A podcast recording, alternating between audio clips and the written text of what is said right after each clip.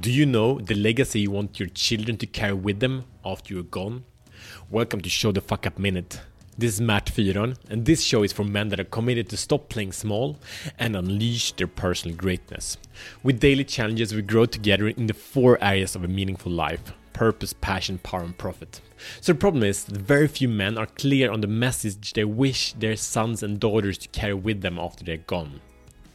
If you, as a man, do not know your purpose or core values, how could you then be in charge of your life, make the right decisions, or get to the destination that you want to? Does it make sense? And this leads your children confused of who you are, where you are going, or why.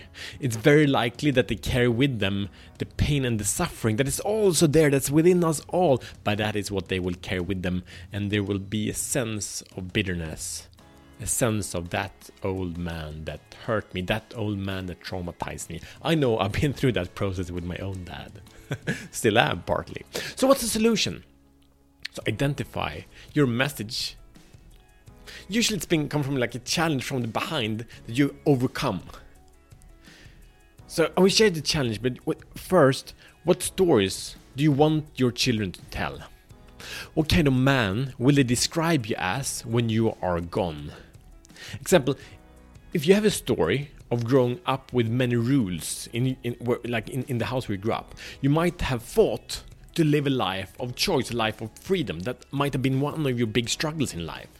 And then maybe your message to your children might be choose your own path from your own truth. You might want is like them to remember that they have the choice. Maybe that's what you want to lift and carry and encourage them to do, right?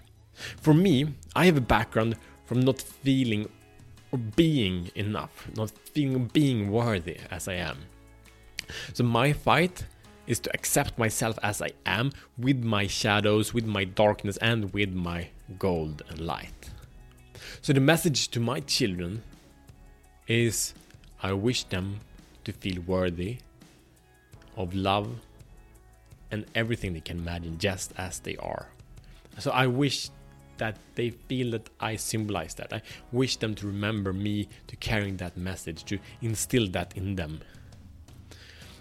So here's the message, the mission, I mean. Here's the mission if you choose to accept it. Number one, what is, answer these questions.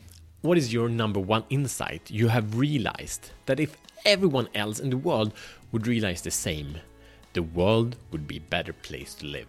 Number two, what mindset or strategy do you use to overcome adversity? You can think back of some situations. What mindset or strategy did you use? Number three, write down what value or standpoint, point of view, do you wish your children will remember you for? And then after that, practice to live by that. Are you actually expressing this in the way you're living, in the choices you're making? If, if not, how can you do it more? How can you let this point of view, this value, direct your life more and instill that to your children? Here is the action.